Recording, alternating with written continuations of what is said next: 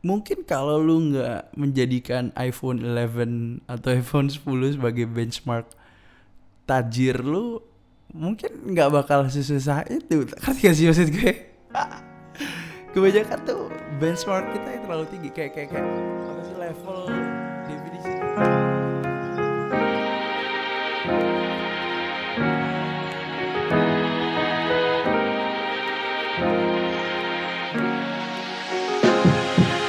Hello everyone, welcome back to pada suatu ketika episode 49.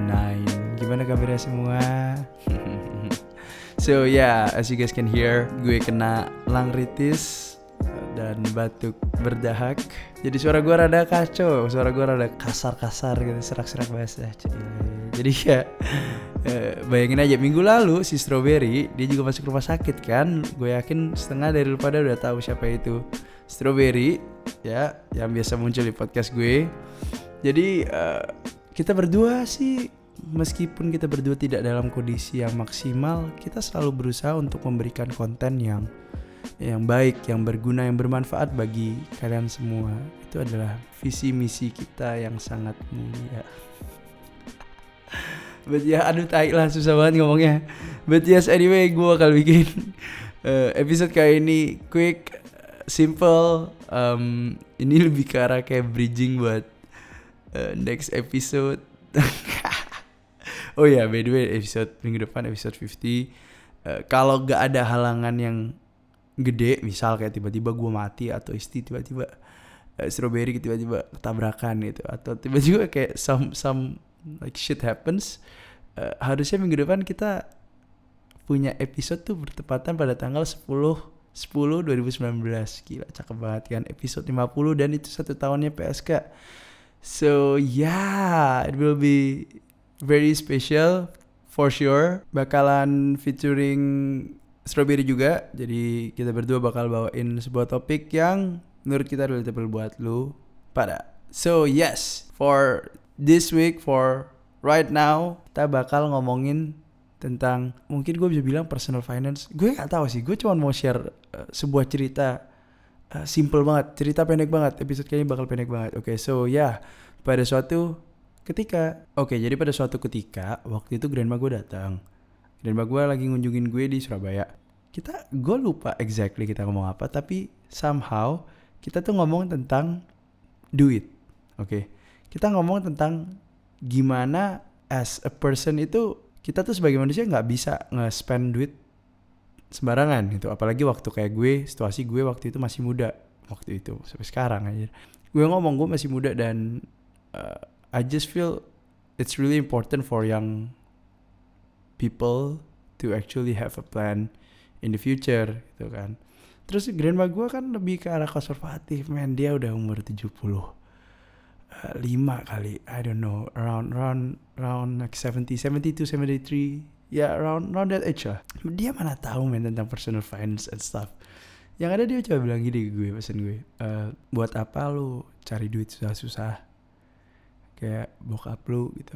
Kayak ngapain? Kalau misalkan Indian lu nggak bisa spend duitnya nggak bisa nikmatin duitnya mending hidup pas-pasan tapi bisa spend duitnya gitu loh. Dan uh, grandma gue juga bilang gitu kalau misalkan gue tajir gue nggak bakal lo kayak kerja terus sampai sekarang kayak bokap lo gitu dan situ gue lumayan kayak hmm this isn't right. Akhirnya gue bilang gitu ke uh, grandma gue ke popo gue uh, po coba deh cari satu orang satu family yang popo tahu uh, dia ngerintis dari nol dan dia actually hidupnya foya-foya gitu loh. Kayak kayak nggak peduliin saving kayak jalan-jalan terus kerjanya sering ditinggal dan sustainable sampai ke anaknya. Cari satu orang di keluarga kita yang ngelakuin hal itu dan actually berhasil. And yes she couldn't find one. Uh, dia bingung kayak iya ya kok, kok bisa kok bisa kayak gitu ya? Kok bisa uh, apparently nggak ada satupun yang it's either it's either you have a lot of money and then lu nggak nggak nggak bisa spend duitnya or lu tuh nggak punya eh, nggak eh, nggak punya banyak money dan lu bisa jalan-jalan terus tapi lu nggak ada saving at all gitu uh, ada sih one of my uh, cousin one of my uncle itu dia tajir dan dia actually kayak enjoy his life gitu loh and and his whole family. But then again, dia ini generasi ketiga dari orang kaya udah udah kaya lama banget gitu di Jakarta udah punya pabrik segala macam ya kan. So uh, di situ gue mikir gitu. Kenapa orang yang biasanya ngomong kayak gini nih? Kalau gue tajir gue mau pensiun dini. Kalau gue udah tajir gue nggak mau kerja lagi. Uh, this kind of people itu tuh sebenarnya susah banget loh to reach kayak the point di mana dia ngomong kayak oke okay, gue tajir gitu. If you think about it kayak banyak kan orang-orang yang tajir tuh mereka uh, yang gue gue bilang dari nol ya, gue nggak bilang generasi kedua, generasi ketiga yang udah banyak yang tajir, yang mulai dari awal ini kita ngerintis ya. Uh, many of them kalau lihat the older generation yang mulai semuanya dari nol, waktu Indonesia uh, baru bangkit, mungkin generasi kakek lo atau generasi bokap lo, mereka tuh lebih pelit gitu daripada generasi milenial kayak kita kita eh mereka lebih kalkulatif mereka lebih pikir duitnya ke mana waktu mereka mau spend. Dan lagi kan kalian tahu kan uh, dari episode yang OKB versus minimalism yang gue punya, younger generation kayak people like us kita tuh sering banget di middle income trap yang somehow semakin pendapatan lu tinggi, spending lu semakin tinggi, ya akhirnya ujung-ujungnya lu tetap aja di middle income gitu kayak kayak kayak lu tuh nggak bisa reach that point yang lu bilang lu tuh rich gitu. Lu tuh nggak nggak nggak bisa kayak kayak semakin gue keluarin duit gitu ya. Eh sorry semakin gue dapet duit gue semakin banyak keluarin duit. Dan semua ini dari habitnya aja gitu yang gue lihat. Yang kayak the reason why orang-orang yang yang kaya ini bisa kaya dan stay kaya itu karena dia kekeh sama habit yang dia punya. Oke, lifestyle dia nggak naik, lifestyle dia gitu-gitu aja dengan pendapatan dia yang naik. Udah gitu dari awal dia udah mulai nabung kan lu pada tahu kan kalau nabung itu sebenarnya pasti compounded gitu. Jadi kayak uh, lu nabung terus interestnya lu tabung lagi kecil kecil kecil kecil makanya menumpuk gitu kan. Lu tuh nggak bisa reach poin di mana lu tuh rich karena satu yang tadi gue bilang lu tuh sebenarnya orang-orang yang fokus ke resultnya fokus ke uh, oke okay, gue mau sampai ke poin di mana poin ini. Oh habis gitu gue habis gue bisa spend segini banyak gue misal kayak gue bisa beli baju levelnya segini uh, eh, gue bakal stop gue bakal kerjanya lebih rendah. Orang yang levelnya yang yang yang ada di situasi ini dia tuh waktu dia up to this point dia bakal minta oke okay, gue mau eh, gue bisa spend duit segini banyak. Jadi gue harus tambah duit gue yang Indian nggak bakal puas men. Percaya sama gue ini orang nggak bakal puas. Dia kemakan greed dia uh, yang harusnya kayak misal talking about expectation lu tuh sebenarnya lu janji pertama lu adalah lu eh, misal kayak makan restoran 100 ribu on Saturday night itu menurut lu lu udah termasuk kaya dan lu udah ngerasa itu biasa jadi lu udah mulai upgrade ke 150 to 100,000 dan lu gak bakal pernah puas lu bakal uh, keep telling yourself kalau lu tuh gak pernah rich lu tuh gak pernah actually ada di poin di mana lu puas dengan hidup lu gitu. That's the first reason gitu. Oke, okay, actually that's the second one. The first one ya karena lu ada di middle income trap yang gue pernah jelasin. Karena lu semakin lu duit lu naik, spending lu juga naik. The second one is because you never satisfied with your life, ya kan? So the third reason yang tadi gue udah pernah bilang, yang gue tadi udah bilang, coba lu perhatiin sama orang yang bilang kayak, oke okay, kalau gue udah reach this point, uh, gue bakal off gue bakal kayak lebih nyantai ya kan? Atau kayak uh, gue mau pensiun dini atau intinya cuma sampai satu poin di mana dia udah lega gitu. Jadi misal kayak uh, gue punya temen tuh dia tuh masukin semua duitnya ke cicilan and the rest dia pakai buat instead of nabung dia pakai buat jalan-jalan and all buying all other shits that don't really matter in uh, in his life gitu. Ya dan, dan ya gue nggak bisa ngejudge kayak ya itu decisionnya dia itu. Yang bikin gue kesel adalah dia tetap kayak selalu enak ya hidup lu ya uh, ada duit segala macem gitu. Uh, lu bisa nabung? Iyalah lu bisa nabung kan lu uh, kerja sama bonyok gitu. Terus gue kayak ya ya that's true that's true. Gue nggak bilang itu salah gitu. But then uh, tahu gak sih kalau lu juga bisa uh, nabung juga? Instead of lu pakai duit lu buat uh, many other things ya lu jujur gak kepake men uh, ngerti gak sih menurut gue?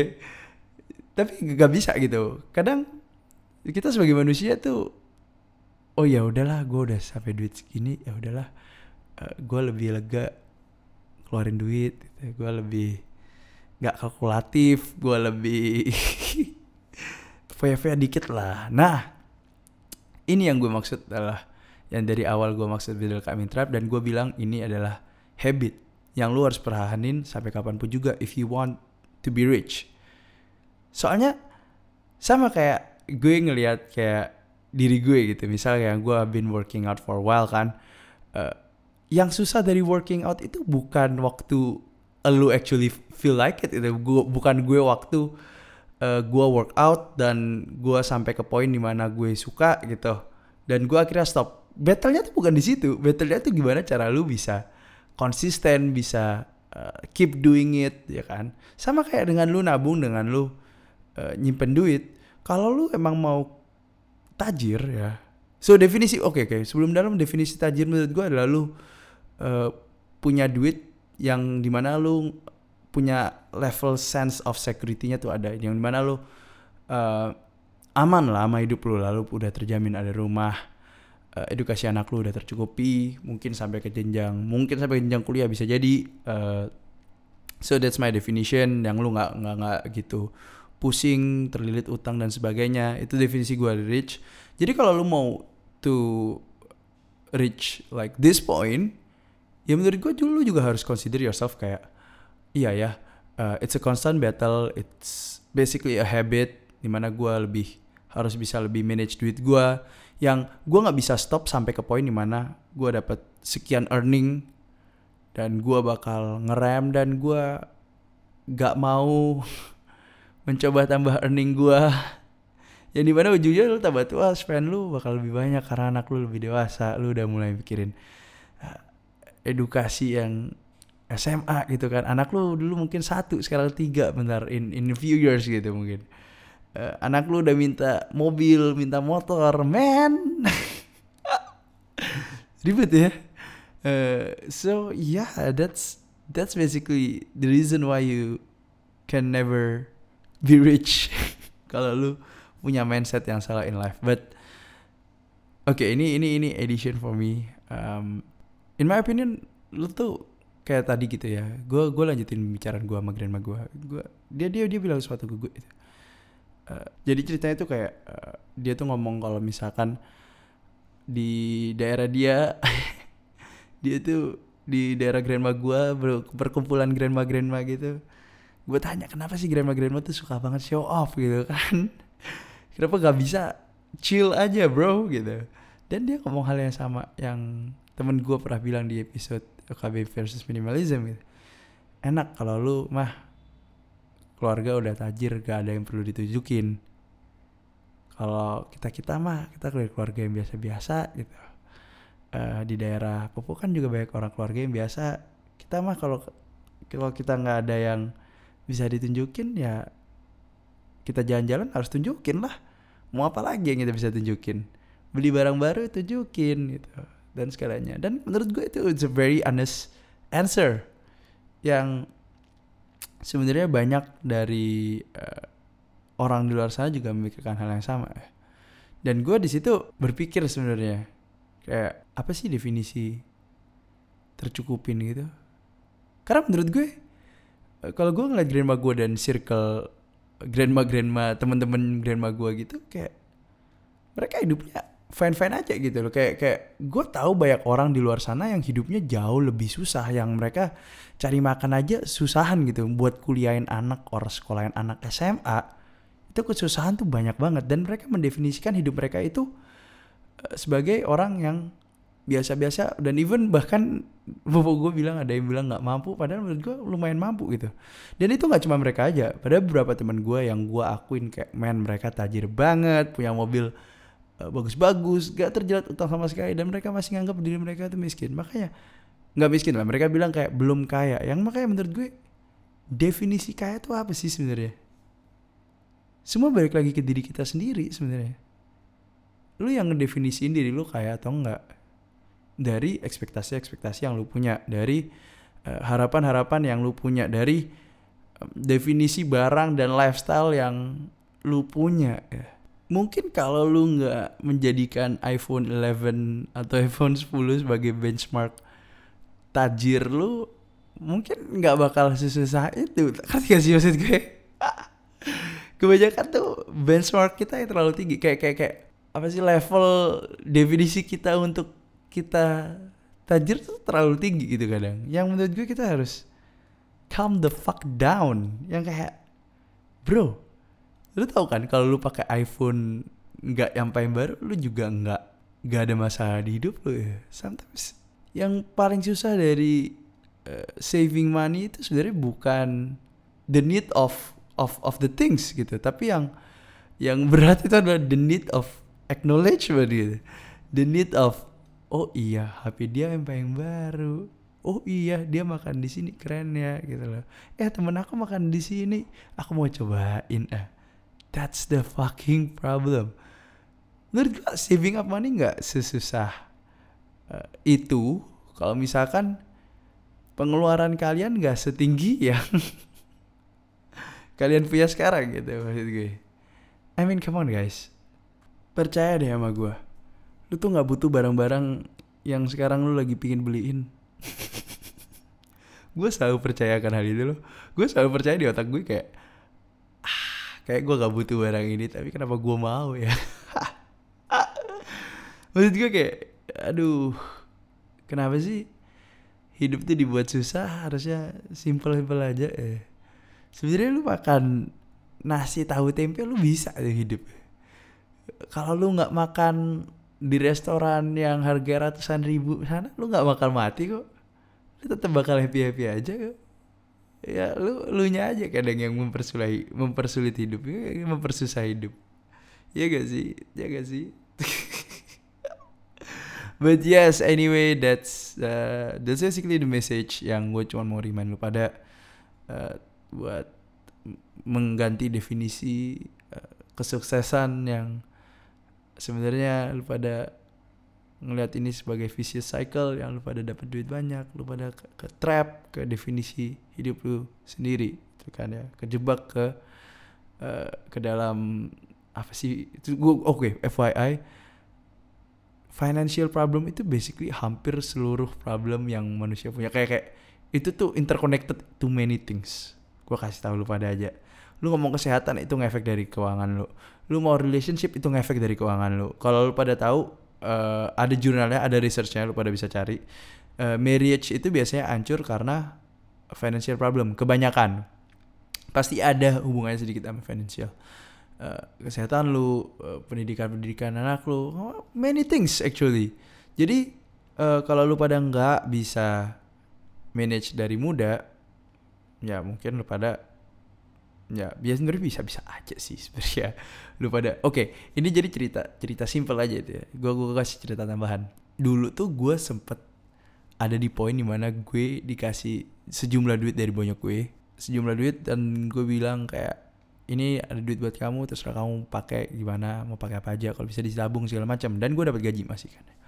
Uh, anggapannya itu modal pertama gue habis gue pulang dari US dan setelah setahun apa yang terjadi? Duit itu malah nggak bertambah ada berkurang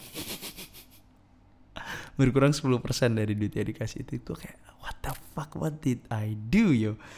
Uh, singkat cerita gue gak track spending gue dan gue waktu itu masih pakai currency yang salah gue masih pakai uh, kurs dolar di otak gue. Jadi gue spend lumayan gila-gilaan.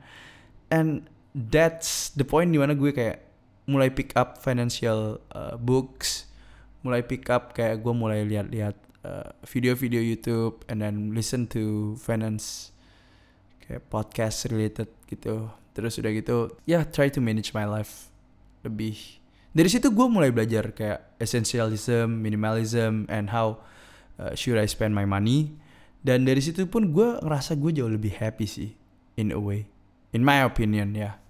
Karena gue gue tuh become completely honest gue nge-track semuanya sampai detik ini loh. Jadi gue tahu gue spend apa aja kemarin gue tahu gue spend apa aja dua hari yang lalu dan gue setiap bulan itu gue track portofolio gue gitu. Dan dengan adanya hal ini gue jadi lebih aware sama spending gue gue jadi kayak oke okay, gue mau beli ini jadi gue harus nabung pakai duit gue dan gue ada goal yang lebih gede lagi. Jadi apakah pembelian gue yang yang ini mending gue simpen atau enggak? Akhirnya gue simpen most of the time. So for those of you yang sampai sekarang masih sering minta duit orang tua. Uh, in my opinion coba deh uh, lu minta uh, gaji lu minta kayak instead of kalau lu apa-apa lu minta orang tua lu coba lu nabung sendiri coba lu manage duit lu sendiri dan menurut gue itu bakal uh, berguna kok in the future. And also yeah saving and earning which one is more important? Gue dengerin banyak banget tentang hal ini man dari berbagai macam podcast buku dan macam-macam jawabannya beda-beda kan. But yeah in my opinion lu tuh harus fokus on both saving and earning cause the thing is kalau misalkan lu fokus ke saving doang kapan lu reach ke earningnya kapan lu naik pangkatnya kapan lu dapat duit banyakan lagi apa sih yang membuktikan kalau lu tuh uh, udah naik level ya kan? Kalau lu fokus ke earningnya intinya lu nggak bakal anjing gua nggak peduliin saving gua gua Wah dapat duit tambahan, saving gue malah tambah lama tambah naik juga gitu loh. Eh sorry, spending gue tambah lama tambah naik dan ujung-ujungnya lu ada di middle income trap. Ya, so ya ini kayak no shit banget ya jawaban gue. Fokus kedua-duanya, jawaban paling basic AF. But ya yeah, do uh, fokus on both sides karena earning bakal uh, nunjukin kalau lu tuh udah naik level dan saving itu berarti lu bisa keluar dari jebakan yang ya middle income trap ini. So yeah, I guess that's it guys. Shit, podcastnya jadi panjang ya. Padahal gue pengen ngomong santai banget loh podcast kali ini. So yeah, that's the podcast for today. And uh, don't forget to follow PSK Podcast. And uh, next week's next week's gonna be super special setahunnya PSK Podcast. And also gue bakal podcastan bareng Strawberry episode 50 10 10 2019 if uh, everything goes well Uh, so yeah, that's it, guys. I'll see you guys next week and see ya.